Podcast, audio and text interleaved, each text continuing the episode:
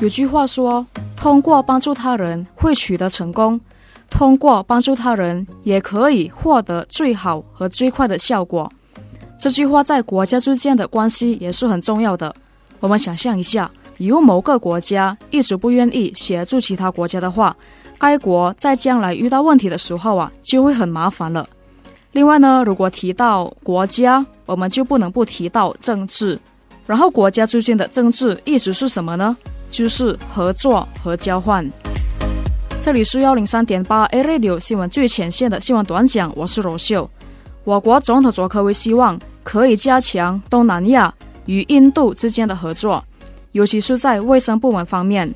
佐科威表示，加强合作是很重要的，特别是在新冠疫情期间，因为他评估印度在卫生和制药领域拥有强大的能力。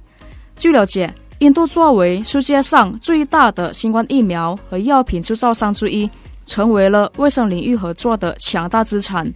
佐科也表示，需要特别关注于印度在开发人力资源 （SDM） 方面的加强合作，因为印度记录了大量设有医学研究项目的大学。他也承认印度人力资源的优越性。然后，印度政府也是有推出一千名博士项目。该项目是邀请东盟国家的学者申请印度政府全额资助的生物科学和生物技术领域的博士项目。佐科威也是要求印度卫生公司的实习和研究项目可以向东南亚国家开放。另外，我国的商业部也是有说，印度是我国香料贸易的战略伙伴，也是我国香料出口的第三大目的地。国家出口发展总干事李丽十月二十八号表示，希望我国和印度之间的商业和贸易能够继续增加，给两国人民带来更多的繁荣。也希望通过这次的活动，可以扩大两国的香料市场。弟弟也解释，我国拥有丰富的香料。据了解，在二零二一年的一月到八月，我国香料出口额就是有四点九百九十一亿美元。同比增长了百分之十二点八十八。我国香料的主要出口产品是肉豆蔻、巴辣、丁香、增盖、白胡椒、肉桂、咖油 manis 和豆蔻、嘎布拉嘎。那除了印度呢？我国的大部分香料出口也是会到美国、中国、越南和荷兰。另外，佐辉总统在十月二十八号也是有鼓励东盟和俄罗斯建立伙伴关系，以保护印太地区。Indo-Pacific 免受日益激烈的竞争。